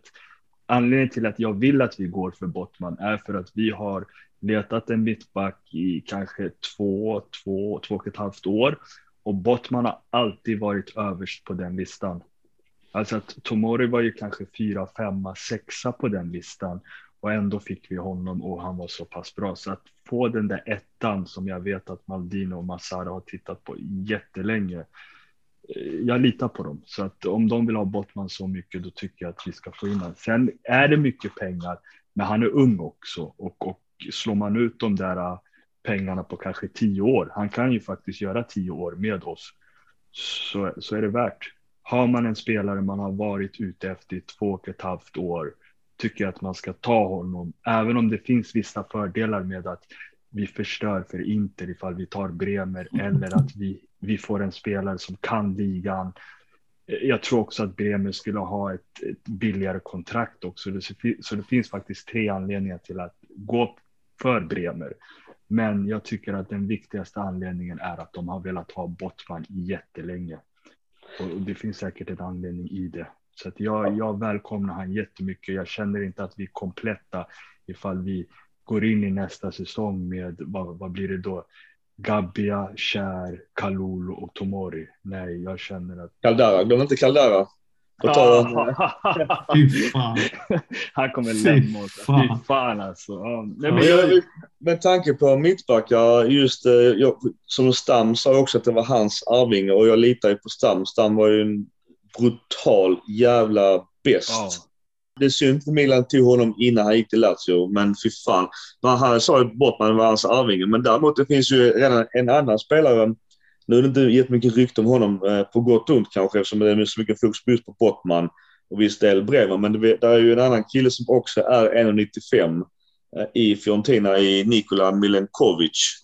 Och han har ju hans kontrakt går ut nästa sommar, så det är ju betydligt billigare lösning som, som redan kan både språk och ligan. Men jag förstår eh, att Maldini har ju också fokus på, eh, på Bottman och, och han vill ju tydligen till Milan också. Men man såg någon intervju med någon holländsk press där var massa kommentarer under bara så det där är ingen pokerspelare när de pratade om Milan. Så han, mm. Om man ska tro alla rykten så vill han själv gå till Milan. Sen är frågan vad kommer det kosta? För Lill vill ju casha såklart och Newcastle med oljepengar är ju beredd på att hosta rätt mycket mer pengar. Så att eh, det blir nog ganska lång följetong och min, min förhoppning eh, när det kommer till transferfönster är att jag vill ha truppen ganska klar snart. För säsongen börjar ju tidigare på grund av det jävla hittepå-VMet också. Mm. Mm. Så det är inget sådant Mr X i sista dagen i transferfönstret. Mr fucking X. Fy fan vad vi har blivit skadade med Galliani och, och herregud. Missförstå mig inte, jag, jag, vill gärna ha Bottman. Jag känner inte till spelaren så jättemycket. Jag, jag har förstått att han är bra. Jag vill gärna ha honom, men jag vill inte ha honom på bekostnad av en bra högerytter. Det är bara mm. det jag säger. Ja, ja. Alltså jag tror att en bra högerytter, jag tror inte någon av dem är på bekostnad av den andra. En högerytter måste vi, det, alltså det är egentligen vad vi har saknat. Eh, ja, vi har, vi har sökt liksom att vi handlade in Messias är ju ett försök av att eh, i slut, i sista eh, stund liksom fixa den kanten. Men jag tror på att både en högerytter kommer in och jag tror på att Bottman faktiskt kommer in. Jag tror att han kommer eh, göra sig svår för Newcastle och, och han har ju sina polare. Han har ju Sanchez som är på väg in och han har eh, Magnan i målet och han har Leao mm. på topp. Så att eh, det, det, är, han är så välkommen och det man, inte, det man glömmer och när man jämför Bottman med till exempel Bremer och Milenkovic är ju att Bottman är ju vänsterfotad och att vi söker mm. en, en spelare som ska spela vänster, alltså central vänster inne på, inne på vad blir det? Vänster innerposition. Och där passar han så att Tomori ska kunna spela på sin naturliga position till höger. Jag tror på den värvningen, alltså att han, han, är, han, är, han är en koloss och han är stark, han är bra på huvudet. Jag tycker att vi gör för lite mål på, eh, på hörner, på fasta situationer. Bottman kan göra oss bättre där eh, Giroud behöver ju mer, annars är det bara Giroud där. Så att jag tycker att jag har sett lite på de spelare som är på väg in och det är par, ganska långa spelare som vi har på våran önskelista. Så det glädjer mig i alla fall. Vågar mm. ni namedroppa lite önskemål? Om man nu, visst det finns ju massa rykten som man kanske ska plocka upp, men har ni några egna önskemål på just eh, AMC, AMR-positionerna kanske? Jag har redan pratat mittbackar. Det känns som högerback stängt, vänsterback. Där behövs ju se en backup till Teo, men och vänsterkanten känns ganska stängt. Vi får se vad som händer med Rebic. Eh, det är ju snack om de här belgarna, men har ni några egna personliga önskemål om namn och positioner? Jag skulle vilja bara ta upp en grej eh, som jag inte alls hade koll på. Eh, Brahim Diaz visserligen är min säsongens shit, men eh, jag hade inte koll på att han i City spelade som högerytter. Att han uppenbarligen gjorde det ganska bra där. Jag vet att han har spelat för oss mm, ett par gånger som högerytter eh, och gjorde det sådär. Men varför inte liksom envisas med honom att spela på en högerytterposition. För du är ju uppenbarligen inte bra nog för att göra det centralt. Och du har gjort det tidigare. Det, en, det vore en billig lösning. Sen vore min dröm att ha givetvis Dybala där till höger. Det vore min absoluta dröm att kunna ha honom där. Jag hade önskat Mahrez till exempel på den kanten, men det hade varit jättesvårt att få till den värvningen. Kanske att man kan se vad som händer i Chelsea för att jag läser att Osman Dembele verkar på väg till Chelsea.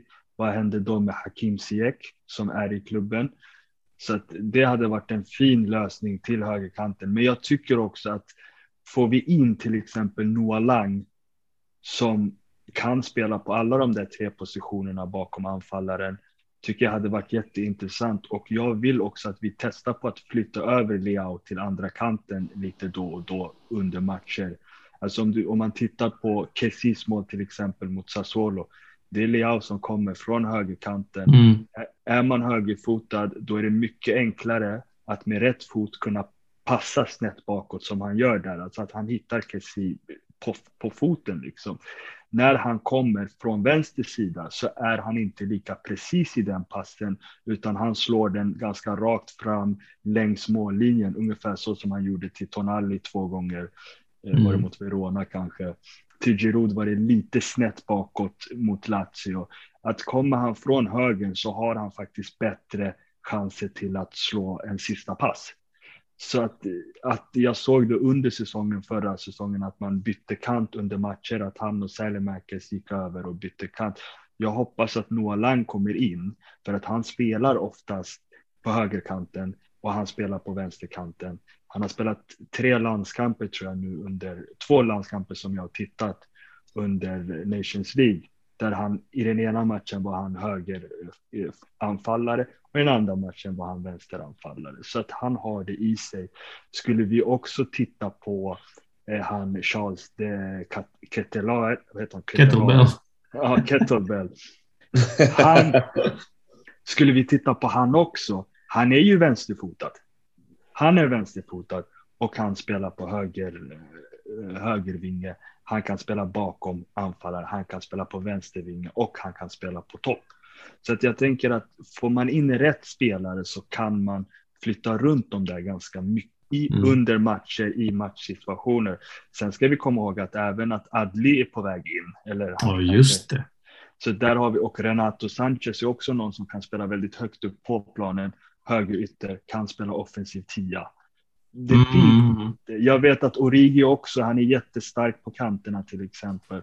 Så att jag känner inte att vi behöver kanske gå för dem jag först nämnde, Ziyech och Mahrez. Det kanske räcker med att gå för alltså, spelare som kan spela på flera positioner. För att Ziyech och Mahrez är ju väldigt låsta till sin kant skulle jag nog säga. Om man jämför med Noah Lang som kan spela på alla tre positioner. Och dyra Premier League-löner tyvärr också. Ja, ja, ja. Så det, det, det, där är bara en dröm liksom. Ja, ja men man får drömma i silly season, absolut. Mm. Ja, nej, men jag tänker till exempel, det, alltså att även få in den där belgaren, han eh, kettlebell-snubben, mm. skulle ju också hjälpa oss att, för nu är det många som känner att så här, nu köper vi bara Origi, vi behöver en till anfallare också. Kommer han in så är han våran extra anfallare. Då skulle vi ha han Origi, Zlatan och Giroud på topp. Så att jag tycker att han känns, för mig är det den absolut största drömvärvningen, den där belgaren från Klubb Brygge. Men vill du se honom som en AMC helst eller som en höger ytterkant? Jag vill se honom som anfall tror jag. Ja. Eh, och, och en tia, alltså centralt på banan. Men jag vet ju att hans vänsterfot är riktigt bra så att han kan ju Mm. spela på båda kanterna. Alltså att han är jättebra på att slå inlägg från högerkanten och han är jättebra på att gå på avslut från vänsterkanten. Och han är också en lite av, han är mycket bra på att det här sista, eh, vad ska man säga, tap-ins. Vad, vad kan man säga Mm. det på, på svenska? Liksom? Bara stötta in den i mål, alltså vara den där Mm. centralanfallaren som är först på bollen. Det är ungefär det vi vill ha av Giroud. Var Mm. först in i en situation, spring i djupled. Så att vi kommer få in anfallare. Jag tror faktiskt att, att Maldino och Masara går den vägen när jag tittar på att jag tror att de vill ha CDK, kommer jag nu kalla honom hela tiden. På grund av den anledningen att han också är en jättebra centeranfallare. Fråga, tror ni Milan, eh, min, min personliga favorit är ju eh, Sanchez, Renato. Det är, Mm. alltså första gången jag såg honom hade jag tänkt så, fy fan vilken komplett mittfältare. Och när vi mötte honom också när han spelade Lille var han ju, han ägde ju, han, alltså den Europa League-matchen mot dem, han var ju helt dominant. Alltså jag har aldrig sett en sån dominant spelare sedan jag såg Kim Källström spela i Allsvenskan stort sett. Mm. Men, men det frågan är, kan var ska man placera honom? Bra måttstock där. Ja, jag vet. Ja, men just alltså, det kändes som att man, att man var... När man själv jobbade på dagis när man var 18 år gammal och spelade mot kids som var fem år gamla. Så det, var, det, det kändes lite så. Men han har Charles de Kettlare. Alltså, eh, jag, jag tror att han, att han var med en AMC. Och då får jag så, eh, Sanchez Renato då, är han också det? För att många vill ju tro att han är en Kessie-typ, men han känns ju mycket mer en jag vet inte, alltså en mycket mer offensiv spelare än vad Kessie egentligen i grund och botten är. Mm, alltså jag skulle säga att Renato Sanchez, av våra spelare, så liknar han Benazer mest. Ja. Ja, och eh, Benazer klarar ju av att spela på den där sittande positionen och där tror jag nog att Renato Sanchez också kommer att spela. Vi kommer ju spela väldigt många matcher mot lag där vi är klart bättre. Där vi inte egentligen behöver en trygg sista, eller två trygga sista utposter. Så att kan vi ha Tonali som täcker framför backlinjen, då kan vi ha Renato Sanchez som hela tiden kliver upp med boll. För det kommer han göra. Han är jättebra på att transportera bollen och jättebra på att passa framåt. Så att det kommer hela tiden vara framåt med honom. Så att eh, sittande mittfält, men han kommer också kunna spela eh, som tia AMC och han, och han kommer kunna spela som högerytter där också. Men det är väl Mm. trångt. Jag, jag vill ju gärna se Tonali såklart. Det är vår framtida här, alltså härförare. Men jag vill ju även se Benasser och jag vill se Renato. Och sen börjar det bli tufft för då har jag Leao som ute på vänster. Så då är det egentligen bara högeryttern kvar. Det, det börjar bli trångt på mitt eh, önskemålsmittfält i Milan. Fast eh, alltså jag tänkte på det här i morse också. Vi spelade ju förra säsongen med Benazer, Tonali och Kessie. Där tror jag att vi kommer få se eh, Benazer, Tonali och Renato. Tror jag vi kommer få se. Och så kommer vi få se CDK på topp. Vi kommer få se Origi på topp. Det är en lång säsong och spelare behöver vila. Och att eh, de har ju, det har inte varit problem med speltid innan heller egentligen för de tre som vi har haft. Alltså jag tänker med Benazer, Kessie och Tonali. De har kunnat rotera. Det har till och med behövts en ytterligare skulle jag säga. Alltså att vi har fått trycka in Kronic där för att Mm. Bakayoko inte höll. Så att eh, jag är inte orolig över deras speltid. Jag ser att de kommer spela tillsammans och ifall vi har ett eh, problem att få in alla i elvan så är det bara, då är vi vinnare liksom. Det, det är det vi siktar på. Mm. Besnik, hur ser din uppställning ut om du får tänka fritt? Och Jag misstänker att Saniolo, även om han kan spela på höger, ytter, mittfält och anfall, att han inte ingår i den här uppställningen. Nej, det gör han inte av eh, flera olika anledningar egentligen. För det första att han är en interprodukt. Jag är inte som de andra lagen att jag lätt tar emot eh, produkter från våra rivaler. Då Är det sitter jag- sur? Ja, men det är lite surmjölk. Jag, jag tänker framför allt hur eh, Juventini på Twitter håller på att fucking blårunkar till Belanova-ryktet. Och jag känner att det, det, där är ju vår spelare. Hur fan kan jag bli så glad över vår spelare? Men i alla fall så tänker jag att han är lite surmjölk och sen så är han ju väldigt skadebenägen. Som visserligen också Sanchez är, men nej, men det, det är alldeles för mycket som talar emot Zaniolo för min del. Men, men han är ju en fantastisk spelare när han är på topp och självklart hade det varit kul säkert att ha honom på högerkanten och han hade gjort ett bra jobb, men jag vill inte ha honom där. Ehm, men sen så lider jag lite grann av samma problem som du i mittfältet där. Jag vill ju gärna se Tonali fortsätta växa med oss. Han, är ju, han har ju redan blivit en symbol för oss. Han är väldigt viktig. Och sen så har han utvecklats fantastiskt mycket den här säsongen. Bara hans mål mot Lazio där visar ju liksom på en enorm utveckling där han är på rätt plats vid rätt tillfälle som, som en mittfältare. Så jag vill gärna ha Tonali kvar. Jag har blivit lite kall gällande Benazer, men det beror på att han har varit lite frånvarande den här säsongen och jag har liksom inte fått eh, befästa mig vid honom så jättemycket den här säsongen. Så där hade jag liksom kunnat byta ut Benazer mot Sanchez till exempel. Om vi nu mm. ska köra 4-2-1, 3. Kettlebell skulle jag vilja ha som en tia. Uh, av den rena anledningen att han är stor och han är stark och han är väldigt bra teknisk, som jag har sett i åtminstone i den här Nations League-omgångarna, eller omgångarna här. Och det blir ju en uppgradering jämfört med Diaz som, som man i princip behöver bara fisa lite grann så ramlar han bort. Tyvärr. Så mm. av den anledningen skulle jag vilja ha honom som en tia.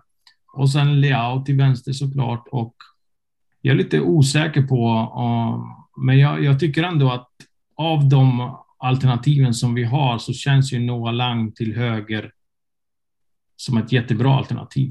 Jag vet inte om Origi kan spela till höger. Jag har ingen aning faktiskt. Jag har för mig att han spelar till vänster. Ja, han är starkare till vänster, men han kan spela till höger också. Och det blir ju lite... Spelar man till höger, då slår man inlägg. Spelar man till vänster, då går man på avslut ungefär. Mm. mm. Lite så. Centerforward så vill jag ju ändå ha Giroud där uppe eller Zlatan. Jag vill ju ha den här tryggheten. Jag vill liksom inte gambla med det i, i den här säsongen, utan jag vill, jag vill veta att jag har en trygghet där uppe som kan leverera, bara den får bollar till sig. Jag ska bara säga det, jag, jag har haft kontakt också med Twitterkontot Belgisk fotboll. Det är en jävligt eh, slipad kille. Jag tror en kille. Jag, jo, jo, ja, förlåt. Ja, det är en kille och um, om just belgiska talanger i ett avsnitt för ganska länge sedan. Och då, då gav vi också honom uppgift att rangordna belgiska, belgiska talanger. Och eh, nummer ett har han då Charles de Kettlare, så att, och, också med en utläggning om honom. Så att det är ju en person som eh, det snackas om en De Bruyne-variant. Så att eh, kan vi, eh, han kommer ju kosta pengar.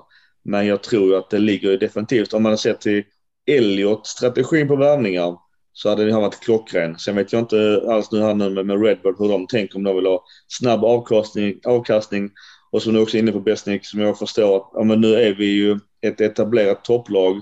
Vi ska inte köpa kanske potentiella 10 av 10 utan vi ska köpa färdiga 8 istället. Så att jag kan mm. förstå den diskussionen också hur, hur det går nu och återigen det är en pengafråga såklart men högerytter och en AMC. Sen, är, sen känns det trångt för jag man har ju många favoriter där också. Men vi får inte befästa oss för mycket på våra favoriter, för vi vet att det kan gå åt helvete med våra favoriter ganska fort. Så jag försöker inte göra det, men det är svårt att inte befästa sig vid, vid Tonali speciellt. Ja. Leao älskar jag, men jag är inte befäst vid honom så som jag är vid Tonali till exempel. Jag, jag, har, jag har redan egentligen räknat bort Leao åtminstone om två år är han förmodligen borta ifrån Milan. Det känns som att det är den typen av spelare som gärna vill shina på, på större scener. Så ja. det, då får han göra det, men då får vi fan se till att få betalt. Men det här med eh, mm, kettlebell, kettelare. Det är någonting som stör mig med honom. Jag har inte jättekoll på honom, men det är någonting som stör mig på honom. Kan vara att han ser ut som en han ser ut att vara klonad. Han ser ut att vara perfekt liksom. Den är som... Barbie. Okay. Han har alltid perfekt hårdag och... Nej, jag vet inte. Det är någonting som stämmer med honom. Jag, men givetvis har jag säkert fel. Han verkar ju vara en fantastisk spelare och har fått beröm överallt ifrån. jag hoppas att vi signar honom. Jag hoppas också att han eh, blir så bra som många tror att han blir. Men det är någonting som stämmer med honom. Jag kan inte sätta fingret på det. Fair enough. Eh, men jag tänkte om vi tar sista delen på vårt samtal och vi måste ju lyfta Stefano Pioli, årets tränare i Serie A. Vad eh, säger ni om den här tränaren som jag var ju såklart skeptisk när han eh, kom till Milan. Det kändes ju som en definitivt, vilket också var en backup-lösning. Men han har ju gjort en ganska hyfsad resa även Pioli. Vad säger ni om honom? Han är kung. King Pioli. Faktiskt. Yeah. Alltså det här, han, går ju, han går ju nu till historien som en av våra bästa tränare yeah. någonsin.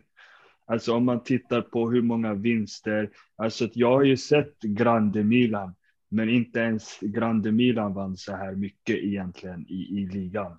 Faktiskt, match efter match. Förra året vann vi mot varenda lag liksom och hela tiden utveckling. Jag tycker att han är så perfekt för oss för att vi behöver, i och med att vi har så ungt lag, så behöver vi någon som faktiskt kan prata, någon som kan ge plats för andra.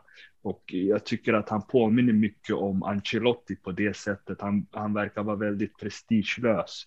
Så att eh, jättekul. Jag var ju för Gianpaolo måste jag nog säga. För att jag tyckte att han såg intressant ut.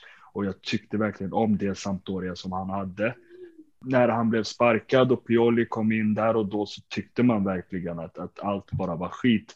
Så det tror jag har adderat till det här känslan man har till Pioli i och med att man har varit så till och med haft dåliga förväntningar. Alltså jag hade inte så här inga förväntningar. Jag hade dåliga förväntningar på Pioli. Och så blev det som det blev. Så att, eh, jag är jätteglad och tack, tack att han, han och våra vägar möttes skulle jag nog säga.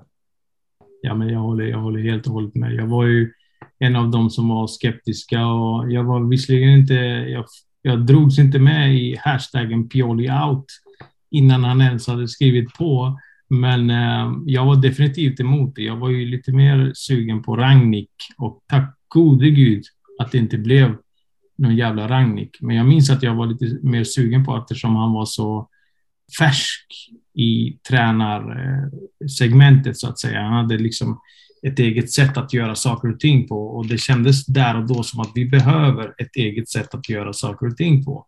Aldrig varit så glad att bli motbevisad som när det gäller fallet Pioli. Han har gjort ett fantastiskt jobb och han är, precis som Livan är inne på, han är en ny Ancelotti och frågan är om han inte är bättre än Ancelotti med tanke på materialet som han har fått jobba med och förutsättning, förutsättningarna som han har gjort det under. Så nej, all, all praise till honom faktiskt. Han har varit ett fantastisk kugge i det här maskineriet. Det går inte att, att hylla honom nog egentligen. Han har varit fantastisk. Vi tar sista sekvensen boys, som var hit and shit. Vad är era hit and shit för säsongen? Stod och velade mellan eh, Salamakers och Brahim Diaz. Mest på grund av Salamakers som sket ner sig, men sen kommer jag ju att tänka på att Brahim Diaz sket inte bara ner sig. Det känns som att han bytte yrke. Han var inte fotbollsspelare längre. Det känns som att han sket, sig, sket ner sig på en nivå som liksom, det finns ingen återvändo längre. Han slutade bara spela fotboll, för mig i alla fall. Så en stor fet skitklump till honom för han är ändå ganska välbetald och spelar för en ganska stor klubb. I en väldigt fet, viktig position.